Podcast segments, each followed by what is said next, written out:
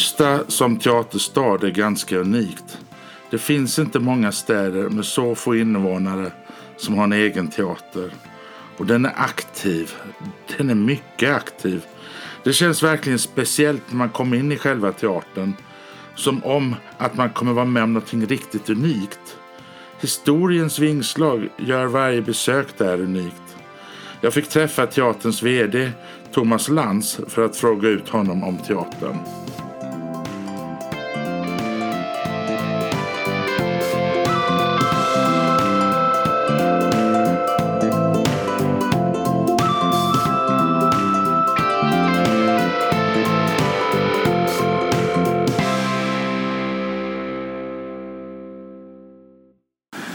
Jag är på eh, Ystad Teater med Thomas Lantz. Ja. Eh, VD för teatern. Ja. Och jag ställde frågan innan, men hur länge har du varit här? Ja, jag, ja, om eh, tre veckor så kommer jag ha passerat tio år. Så det är ett kall det här. Ja, det, det är det i mångt och mycket. Det är väl mycket inom kultur som är ett kall. Men det är inte det enda stället. Nej. Ystad har en ganska lång historia med teater. Hur, eh, hur långt går det tillbaks i Ystad som teaterstad?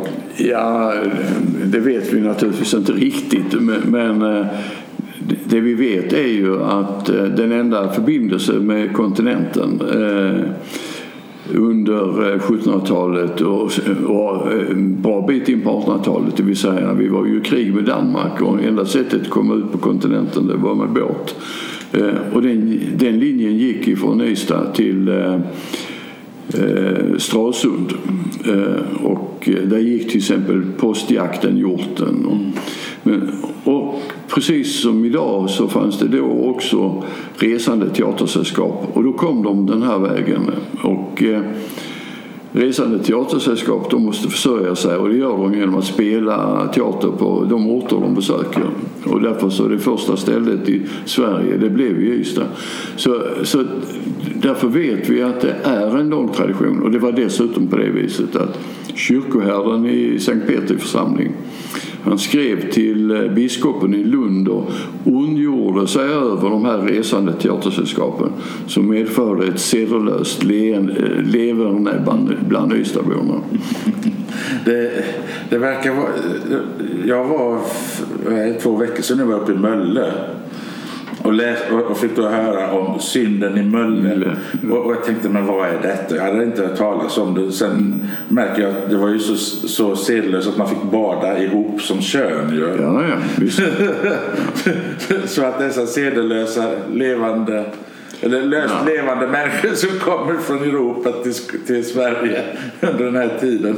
Det, det låter värre än det här. Ja, ja, det är klart att det gör. Men, men det är ju också det är väl fortfarande så någonstans ute i världen där män och kvinnor inte kan bada på samma ställe. Ja, precis. Ja. det har funnits flera teaterbyggnader. Det här är den, jag sa den tredje men du säger den andra. Ja, som teaterbyggnad så är det nu den andra. Eh, däremot så har det ju som sagt var spelats teater i Ystad under lång tid och bland annat då på Rådhusvinden. Eh, där finns ju teckningar ifrån så det vet man att, att det har skett så.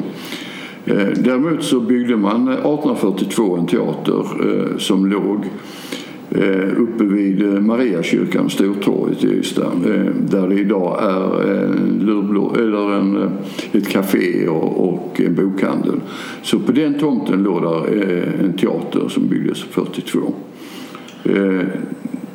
Den var faktiskt större än den här teatern och inrymde en restaurang plus teaterbyggnad. Eh, men den eh, brann ner eh, mot slutet av 1880-talet. Och det lär ju ha varit ett försäkringsbedrägeri. Ja, jag förstod det. Ja. Men var den då på den tiden, idag är det ju inte en privat teater, eller hur? Utan idag är det väl eller den är privat under kommunägo, är det inte så? Alltså, den här teatern kom ju till eh, av att borgarskapet tyckte att vi kan ju inte vara utan en teater eh, när, när eh, vi är vana vid att ha en teater. Så att man bildade ett teatersällskap, eller ett aktiebolag faktiskt, Ystad Teateraktiebolag. Och så sålde man aktier till det och huvuddelen av alla de aktierna de gick till privata personer. Så kommunen hade en väldigt, väldigt liten del, jag tror av de 514 aktierna som eh, fanns så hade kommunen kanske 10 stycken. Så ja. mer än så var det inte. Utan det var ett rent privat initiativ. Försäkringsbedrägeriet, då var den helt privat eller? Ja, det tror jag. Alltså jag vet faktiskt inte vem som var ägare till den gamla teatern. Nej. Nej. Men, men sen har ju med åren så har ju folk sålt, sålt sina aktier till kommunen efterhand. Så idag har kommunen 84,6 procent av aktierna. Men resten finns på privata händer. Det måste ju... Den, den här eh, teatern den har vad är det, 400 70 platser ungefär? Ja, eh, vi har ju... Eh, det stämmer ganska bra. Eh, det beror lite grann på hur man räknar nämligen. Men, men eh, normalt säljer vi på en konsert 400 platser. Ja. ja. Eh, är det teater, eh, opera och där man behöver se hela scenen så säljer vi 350 platser.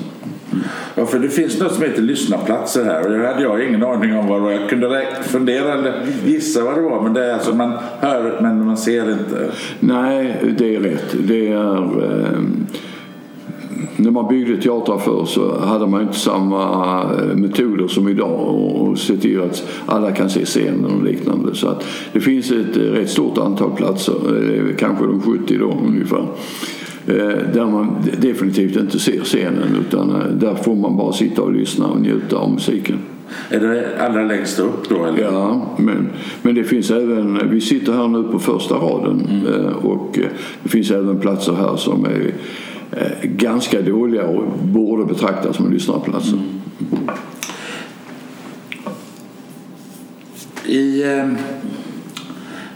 det ganska, kulissmaskineriet här är väldigt unikt. Om jag har förstått saker och ting rätt. Och det finns kvar och används fortfarande. Ja, det är väl det som är det unika. Ja. Det, på 1800-talet var det inte unikt, eller 1700-talet. För, för då byggde man teatrar på det viset. Och det, det vill säga att man har två maskinerier. Ett undermaskineri och ett övermaskineri. Och undermaskineriet är det, ja båda två, är det som gör att man kan skifta scen inför sittande publik. Man behöver liksom inte skicka ut publiken till en paus Nej. och sen så rigga om på scenen utan här kan man då eh, ha tre olika, eller två olika byten så det blir tre scener eh, under en och samma akt innan publiken får gå ut eh, och ha paus. Och då kan man sen skifta om igen och så kan man ha tre olika scener till. Och det har man tack vare att man har kulisserna i sidan. Eh, och så har man de minnen som är eh, aktuella. Mm. Och så kan man dra ut eh, de man har på scenen och föra in nya. Och så fungerar det på det viset. Det här löser man ju i dagens teatrar, på Malmö Opera till exempel, genom att ha en en karusell eller, motsvarande som, som snurrar. Ja. För att så får man in en ny scen. Och de har ju ofta tre också. Ja. Det vill säga man delar den här cirkeln eh, i tre delar och så, har man, så kan man presentera tre olika scener under en och samma akt. Men är det, är det Drottningholmsteatern som har samma? Det finns bara två i Sverige, ja, det finns tre. Men det finns två som fungerar eh, och det är Drottningholm och Ystad Teater. Så det är samma som när Trollflöjten spelade där? Ja, så använder ja. man samma teknik ja. som här med andra Den är ju lite mer raffinerad kan jag säga. Ja. Idrottsrom, det måste man erkänna. Den är från 1700-talet, den är ju fantastisk. Eh, men det är vår också här. Ja. Eh, det går åt åtta personer att sköta den under föreställningen. Så därför så kan man inte använda den så ofta för det blir ganska dyrt. Ja. Men hur, hur ofta använder alltså, När jag tittar på programmet så är det oftast en engångs engångskonsert Ja, eller ja, ja. uppträdande Absolut, här. absolut. Det, det är inte så ofta ni har... Nej. Det är, eh, men den, alltså, att använda hela eh, maskineriet, det har man inte gjort sedan 1994 eh, när man renoverade till 100-årsjubileet. Däremot så delar av den har vi använt eh, genom åren. Man, där man kan låta primadonnan komma från underjorden upp på scenen under föreställningen till exempel.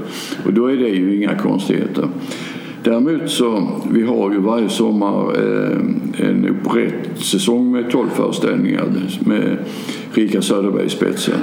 Och eh, inför årets operett som inte blev av, Askungen, då var det planer på, eller då var det tänkt att vi skulle använda undermaskineriet. Ja. Så det gick om inte. Men det kommer tillbaka nästa sommar och då kan man få vara med om något väldigt unikt Ja, det, genom att se det igång. Sen finns det andra sådana, den typen av maskineri på Gripsholms slott till exempel. Men eh, den används inte, den får inte användas. Den är någon slags väldigt skyddat byggnadsminne och eh, det har bara använts en gång sedan det byggdes eh, och det var nog på ja, 1600-talet eller något sånt där och då var det kungafamiljen som spelade för sin pappa. Men men den, måste ju, den här måste ju skötas, den här måste ju renoveras och repareras allt som oftast för att den ska vara fungerande. ja, den, den blev väldigt nedgången genom åren. Eh, Alltså, i början på 1900-talet, en bit in på 1900-talet, eh, så blev det helt omodernt att ha sådana här. eh, Och, och sen, sen förföll den eh, och man använde det som lagerlokal och liknande. Men, men till 100-årsjubileet så återställde man den och renoverades. Så att den går idag att använda. Ja. Det, det är spännande. Ja. Hur används teatern? Eh, Hur, har den använts under alla åren? Jag förmodar att man arbetar annorlunda idag än man gjorde förr i, i teater. Absolut. Ja. Eh, den lever ju inte ett eget liv, teatern, utan den lever ju med i samhället eh, och samhället förändras ju.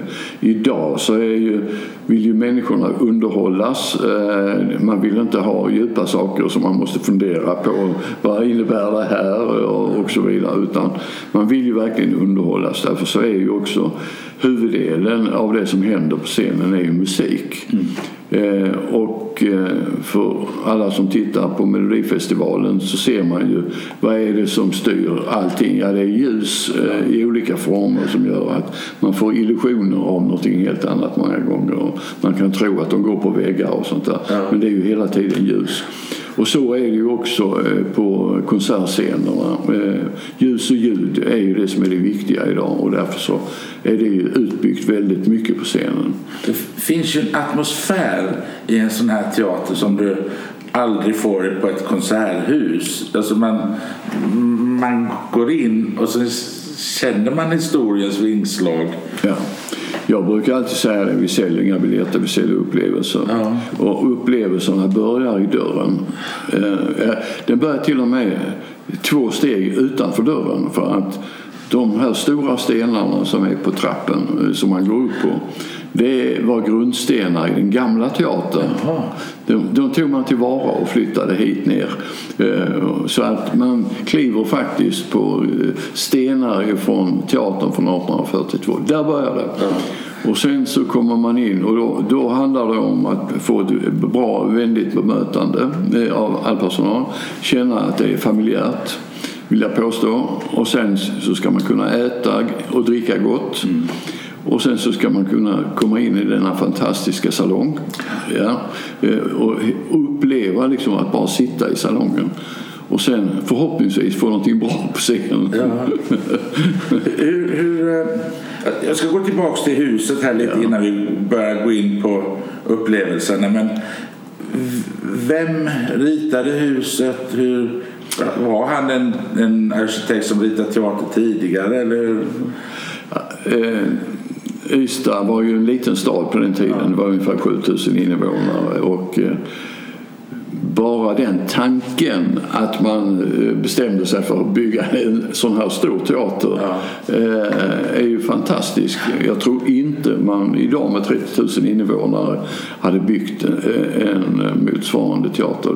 Det skulle nog mycket till. Det går bra med Hamburgs tempel men, ett kulturtempel är- inte lika lätt tror jag inte.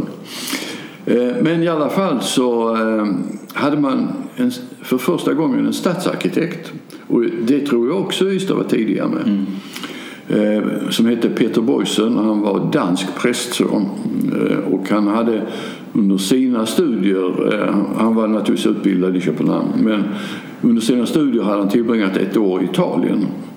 Och det märks ju när man tittar, i synnerhet om man tittar in i det fina kaféet.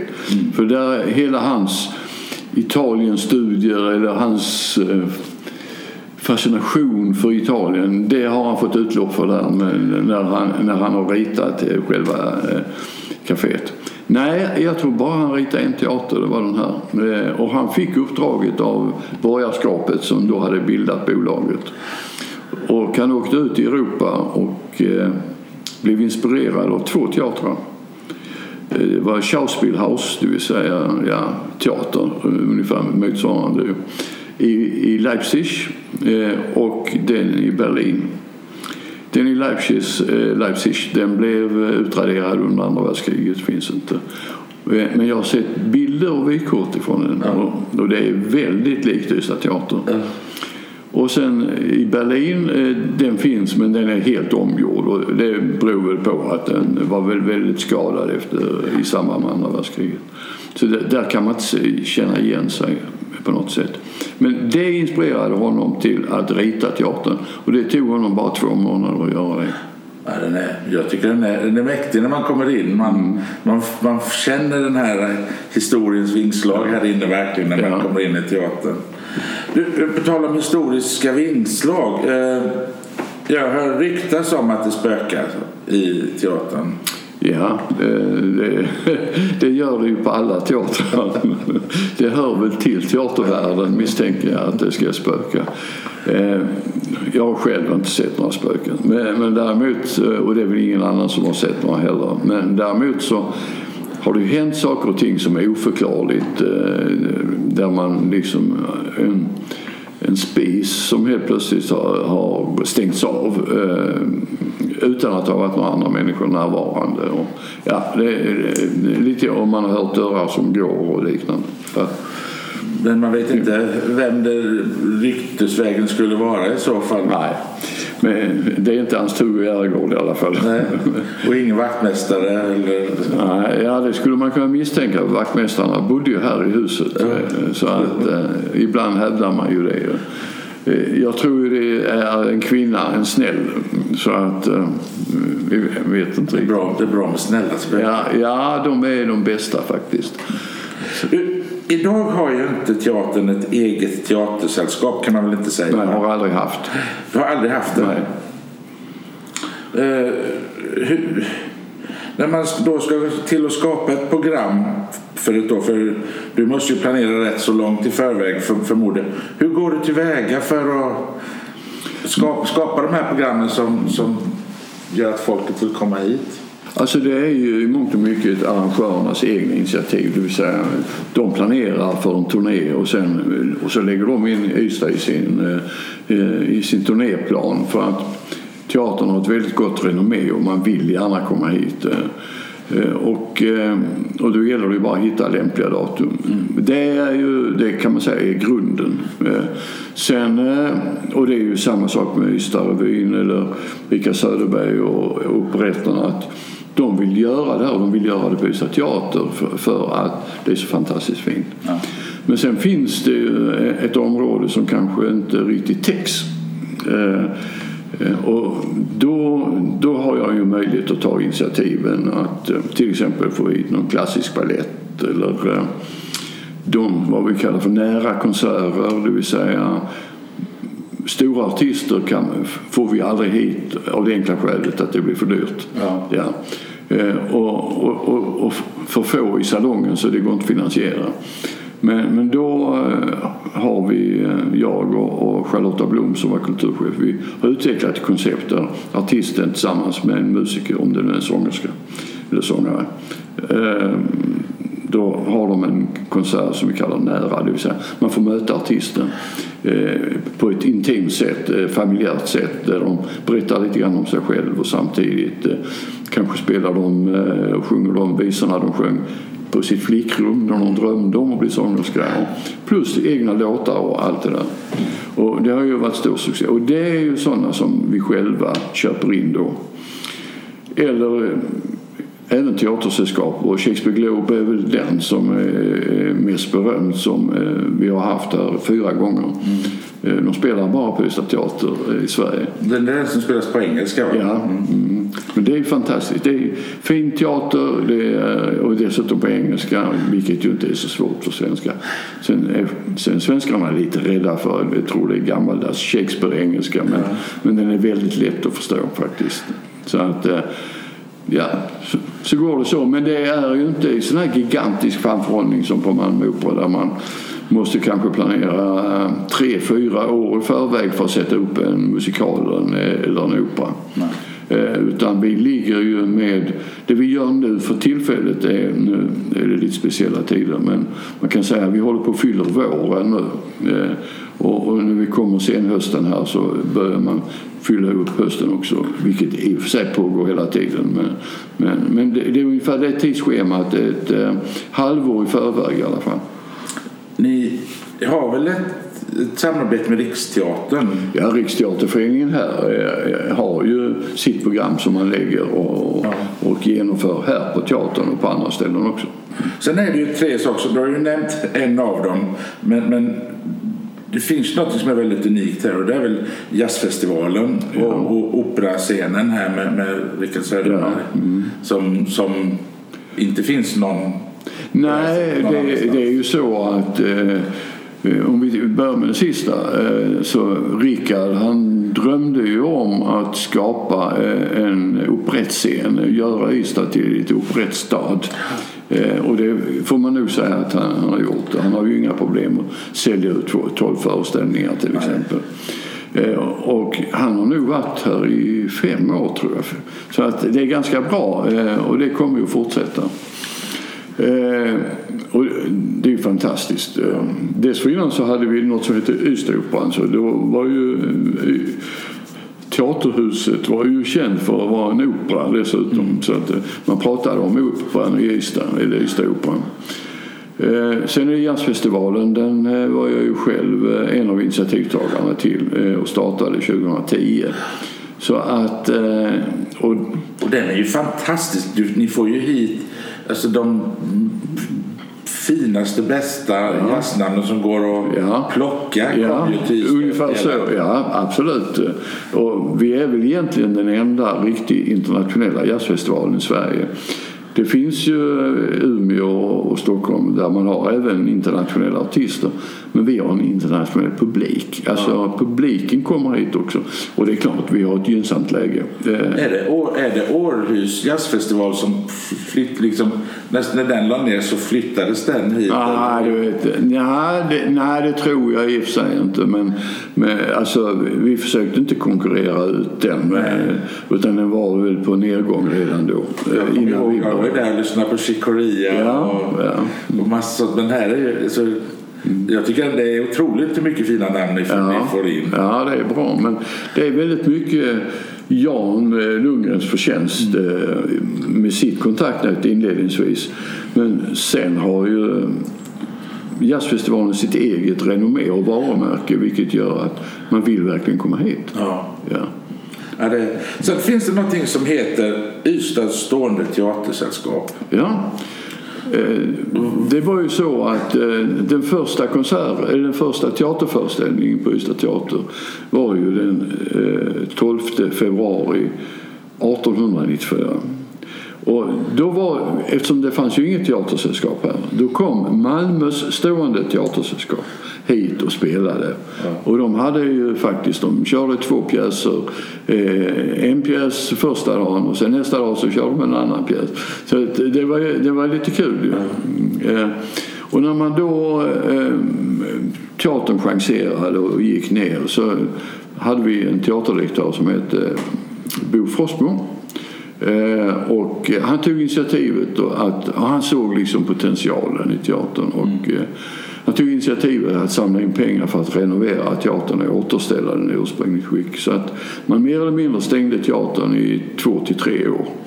Eh, och så renoverade man upp den och gjorde vi under maskineriet och så vidare. Eh, och sen på årsdagen, eller i alla fall dagen efter årsdagen, så öppnade man teatern igen och släppte in Ystadborna. Och då mötte de här inne en teater som 1700-talsmänniskan också hade mött. Ja. Det, så det, så det var samma dekorer, det var samma färger och man hade återställt det man hade fördärvat genom åren och, och så vidare. Eh, så det blev en slags återupplevelse kan man säga. Eh, samtidigt samma dag så blev då huset ett byggnadsminne mm. eftersom det var så fint renoverat. Och då hade man en pjäs här eh, som spelades av Ystad stående teatersällskap.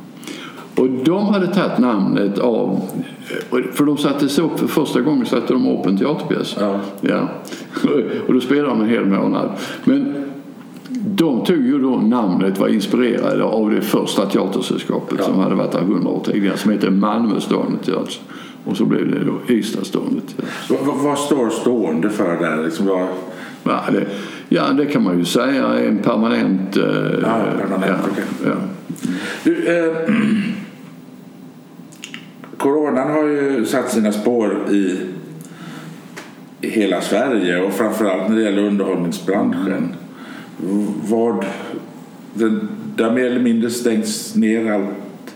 Ni hade jazzfestival fast stri, streamad jazzfestival i år. Ja, alltså det blev ju naturligtvis väldigt svårt för, för eh, Ystad Teater som alla andra teatrar. Ja. Eh, eh, men i och med restriktionerna var att man bara kunde ha 50 personer och 50 personer kan liksom inte finansiera det som händer på scenen. Det går inte. För dels måste man öppna hela teatern ja. Och sen ska de ha betalt de som står på scenen. Så det är liksom en ekvation som inte går ihop. Då skulle besökarna betala kanske tusen lappar för, för att se någonting. Men det blir ju väldigt exklusivt för de är bara 50 stycken. Men i slutet av maj eller något sånt där så då tänkte jag till, alltså vi kan inte fortsätta så här och ha ett, ett tomt teaterhus. Det går ju inte bara. Så att eh, jag kontaktade eh, lokala artister eh, eh plus Rickard Söderberg. Och så drog vi igång en konsertserie som hette i juli månad som hette Musik i sommarnatten. Mm, den började inte förrän klockan åtta på kvällen. och vi körde sju föreställningar vi hade fem utsålda med 50 i publiken. Och, och det lyckades vi finansiera genom att eh, artisterna och vi, vi kunde dela på entréerna. De accepterade det. Tjänade lite mindre men de fick ändå uppträda och fick in pengar. Och sen la vi in mat i biljetten också. Ja. Det var liksom nödvändigt för att det skulle kunna rulla runt. Så det gjorde vi och då fick vi testa det här med 50 i publiken. Ehm, så att när jazzfestivalen kom då i början på augusti, eller slutet av juli, så eh, hade vi 50 i publiken här inne. Men vi hade väldigt stor publik utanför eftersom vi filmade, det vill säga streamade hela, eh, alla konserterna på teatern streamade vi. Så att eh, på det viset fick vi över 10 000 besökare på jazzfestivalen. Ja, det är rekord. ja. Hur ser du framtiden nu med, med eh, post-corona så att säga? Ja, det, det, finns ju väldigt stora orosmoment eh, naturligtvis. Det ena är för det första så måste man ju, när släpper restriktionerna helt? Nu är det, är det ju på gång att förmodligen, jag tror att det är ganska troligt att vi får eh, en 500-gräns. Eh, och sen så handlar det då väldigt mycket om avståndet mellan eh, sällskapen. Och regeringen så hade ju inledningsvis sagt 200 eller 2 meter och då då hade det inte haft någon betydelse. hade vi bara kunnat haft 50 personer. Men, men däremot så Säger man nu en meter bara, då blir det helt annorlunda. Då kan vi ta en publik upp till 200 meter. 200. Och eh, det tror jag, jag tror det kommer att landa där, för det var Folkhälsomyndighetens rekommendation. De två meter kommer ju egentligen från att eh, om man är en kör som ja. sjunger, då ska man ha två meter mellan var För det, det, är mycket farligare än någonting annat att stå och sjunga. Ja, precis. Ja. Men, eh, så att, om det, och att vi får besked nu i tid, då tror jag att vi kommer att ha ett ganska bra program i höst på Ystad Teater som börjar då i oktober månad. Eh, vi ligger i startgroparna för det. Eh, många av våra arrangörer de avvaktar lite grann för att se. Men vi har hittat lösningar på mycket och vi har redan fina artister på väg in så att eh, det kommer att bli en bra höst. Men vi hade ju många utsålda föreställningar och de är flyttade. Och det är inte en gång de har flyttat utan de har flyttat två gånger. Och det finns till och med en som flytt, ska nu flyttas för tredje gången. Och det är klart att sannolikheten för publikens tålamod, hur länge de kan hänga med, det vet man inte riktigt. Mm.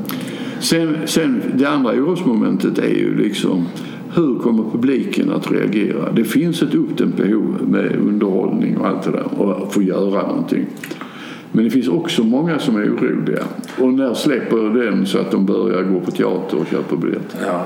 Men är det inte lite så här, alltså, tack vare teatern här så får du en, man ska kalla det, högre kulturell intresse och, och, och, och ifrån staden och omnejden. Mm. För att vi vet att här kan vi gå på opera, här kan vi få en bra teaterpjäs och så vidare. Och... Du har säkert rätt. Eh, det är, det är säkert så att det påverkar eh, intresset. Eh, och jag får säga att jag har aldrig mött så stort intresse för teatern som jag möter idag. Det är, det är liksom så oerhört tydligt. Liksom var jag än kommer så pratar alla om teatern och så vidare. Så att, eh, jag är förvånad. Jag är ju nyinflyttad i Skåne. Jag har inte bott här mer än sedan november 14. Mm.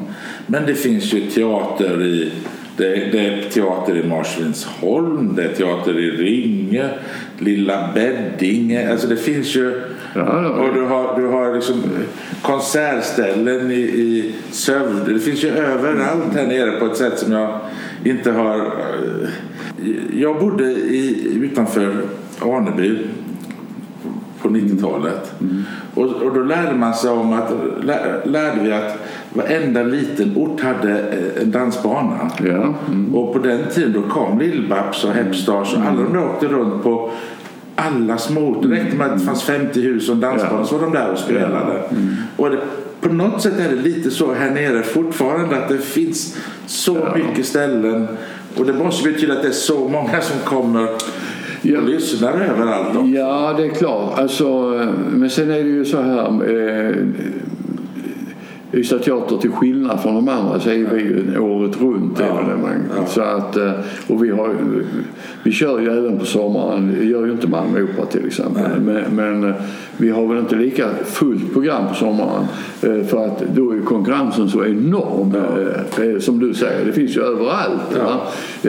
Men det är ju också så att befolkningen växer ju ganska rejält här när det gäller på sommaren. absolut. så underlaget ökar ju betydligt. Ja, så att, Ja. Men det, det, det är kul eh, och det visar på att det finns ett kulturellt intresse. Hur, är det, hur ofta är det någonting här en van, ett vanligt år? Är det någonting varje vecka? Eller liksom hur, hur ofta öppnas två, två av tre dagar.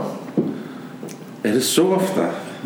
Det är, det är I, snitt, I snitt på året så är det två av tre dagar så har, vi någonting ja. i huset. Det kan vara en guidad tur eh, i och för sig. Mm. Men, men, på stora scenen så har vi ungefär 130 föreställningar. Det vill säga det är en var tredje dag. Det är mycket, är det mycket, jag såg på affischerna här nere, mm. barnteater för skolor och sånt. Ja, absolut. Skolan har ju, eh, barnen i Ystad har en kulturgaranti vilket gör att eh, Och den består oftast i ett besök på teatern. Eh, och då har man olika typer av teaterföreställningar. Eh, ofta är de ju pedagogiska eh, i någon form. Ja. Ja. Vi har ju nämnt eh, Rickard här, men, men, ni har en del samarbete med andra liksom, artister som återkommer hit väldigt ofta. Ja, alltså man kan säga för, för teaterns del så finns det ju tre, eh, tre riktigt stora kunder eh, om man uttrycker sig på det viset. Det ena är då eh, Rika, kammaropera och Rika Söderberg med sina operetter. Sen är det Jazzfestivalen. Ja. Och sen, och sen är det eh, Ystadrevyn ja. med Lars-Åke Kristersson. Det är, det är de tre riktigt stora arrangemangen. Sen är de andra enskilda och det finns alltifrån lokala eh, artister och musiker som har sina arrangemang här. Men det finns ju väldigt många eh, svensk, eh, stora svenska artister som ja. kommer hit. Men sen samarbetar vi ju då med Riksteaterföreningen och vi har Musiksyd Eh, sen, och, och, kommunen naturligtvis. Eh, och Malmö Opera. Och Malmö Opera är ju vi inte, vi samarbetar inte på det viset att vi arbetar direkt utan det är via Riksteaterföreningen eller via kommunen. Ja. Så att Malmö Opera är ju den som är här ofta också. Mm.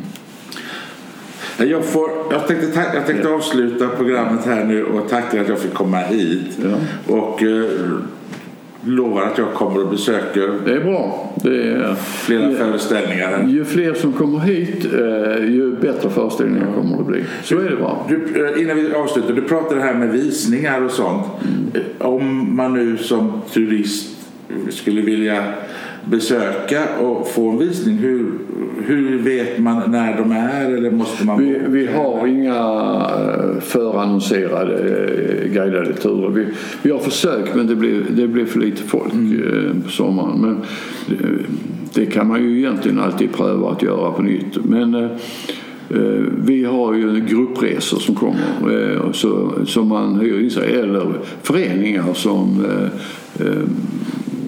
tar kontakt med oss och så, och så ordnar vi en, eh, en guidad tur som tar ungefär en timme och en kvart eller något sånt där. Då får jag tacka för mig. Tack, Tack så mycket. mycket. Tack. Hej.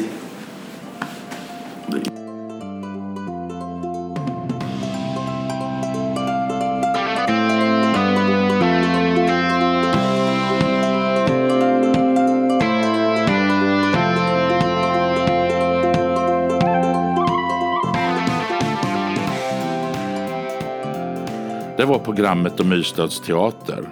Sedan vi gjort programmet så har teatern bytt chef. Charlotta Blom har tagit över som VD och Thomas, som jag pratade med, har gått vidare till andra uppdrag.